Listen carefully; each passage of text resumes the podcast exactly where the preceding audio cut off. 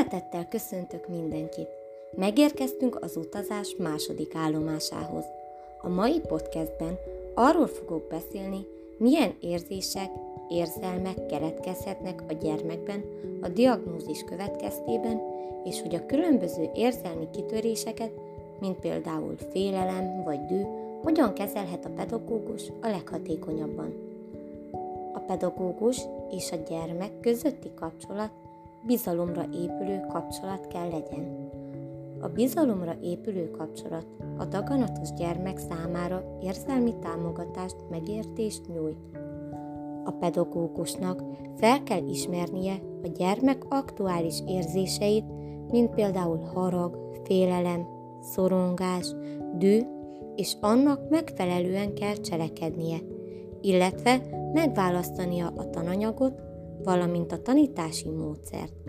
Tehát a pedagógus hatalmas empátiával kell a gyermekhez forduljon. A pedagógus úgy kell megválassza a tananyagot és annak feldolgozási módját, hogy a daganatos gyermekben fokozza az aktivitás érzését, valamint az én hatékonyság érzését. Nagyon fontos, hogy a pedagógus őszintén kommunikáljon a diákokkal, úgy a beteg gyermekkel, mint osztálytársaival. Nem lehet, és nem is szabad a betegséget figyelmen kívül hagyni. Viszont arra is vigyázni kell, hogy ne a betegség legyen folyamatosan a figyelem középpontjában, mert az ugyanolyan káros hatása lehet, mintha teljesen figyelmen kívül hagynánk. A legtöbb gyermek a kezelés korai szakaszában még jár iskolába. Ebben az időszakban különböző érzelmi folyamatokon megy át. Felléphet szorongás, félelemérzet, amelyet a pedagógusnak fel kell ismernie ahhoz, hogy helyesen kezelhesse a helyzetet, megnyugtassa a gyermeket.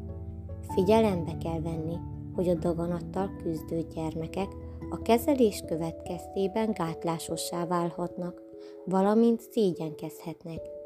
Éppen ezért az egyik legfontosabb tényező egy olyan légkör kialakítása, illetve biztosítása, melyben a gyermek bármiről mer beszélni.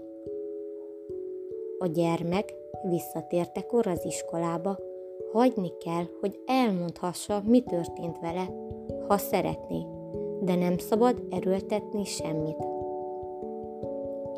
A pedagógusnak ismertetnie kell a daganatos gyermek osztálytársaival is a helyzet súlyosságát és a lehetséges következményeit. Mindezt a gyermekek értelmi és érzelmi szintjéhez mérten. Tudatni kell az osztályal, hogy a beteg gyermek különleges figyelmet igényel úgy a pedagógustól, mint tőlük az osztálytársaktól. A pedagógusnak vigyáznia kell, hogy a különleges bánásmód alkalmazása során nehogy a többi gyerekben éppen ezáltal keltsen haragot, vagy más negatív érzést a beteg gyermekkel szemben. Egy másik dolog, amire a pedagógusnak figyelnie kell, hogy ne sajnálatot mutasson a beteg gyermekkel kapcsolatban, mert az negatív érzéseket kelthet benne. Hatalmas elfogadással forduljon a gyermekhez, valamint egy támogató hozzáállással. A támogató és segítő hozzáállása megmutatkozhat a tananyag kiválasztásában, illetve kiválasztott tanítási és tanulási módszerek mienségében. A pedagógusnak fontos feladata az, hogy reményt adjon a beteg gyermeknek, és bátorítsa reális célok elérésére.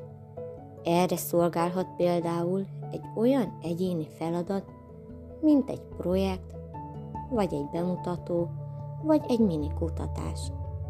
Egy olyan témában, amely a gyermeket nagyon érdekli. A témaválasztást a gyermekre kell bízni, de lehet támpontokat adni. A bemutató vagy projekt kivitelezésének, bemutatásának módját is a gyermek fantáziájára lehet bízni. A gyermek munkáját elismerés kell kövesse. A dicséret segíti abban, hogy megfeledkezzen kicsit a betegségéről. A gyermek hatékonynak érezheti magát, illetve az, hogy foglalkozhat egy olyan témával, amit ő szeret, sokkal motiváltabbá teszi, és több öröm éri. A projektfeladatok azért is lehetnek hasznosak egy daganatos gyermek számára, mert a kezelés által okoztak kimaradásokat egy bizonyos szintig pótolhatja. Hídként szolgálhat az iskola és az otthon maradás között, mert a gyermek akkor is tanulhat, fejlesztheti magát, ha fizikálisan éppen nincs lehetősége az iskolában tartózkodni.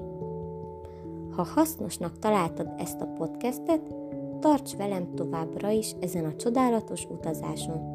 Minden jót és sok egészséget kívánok!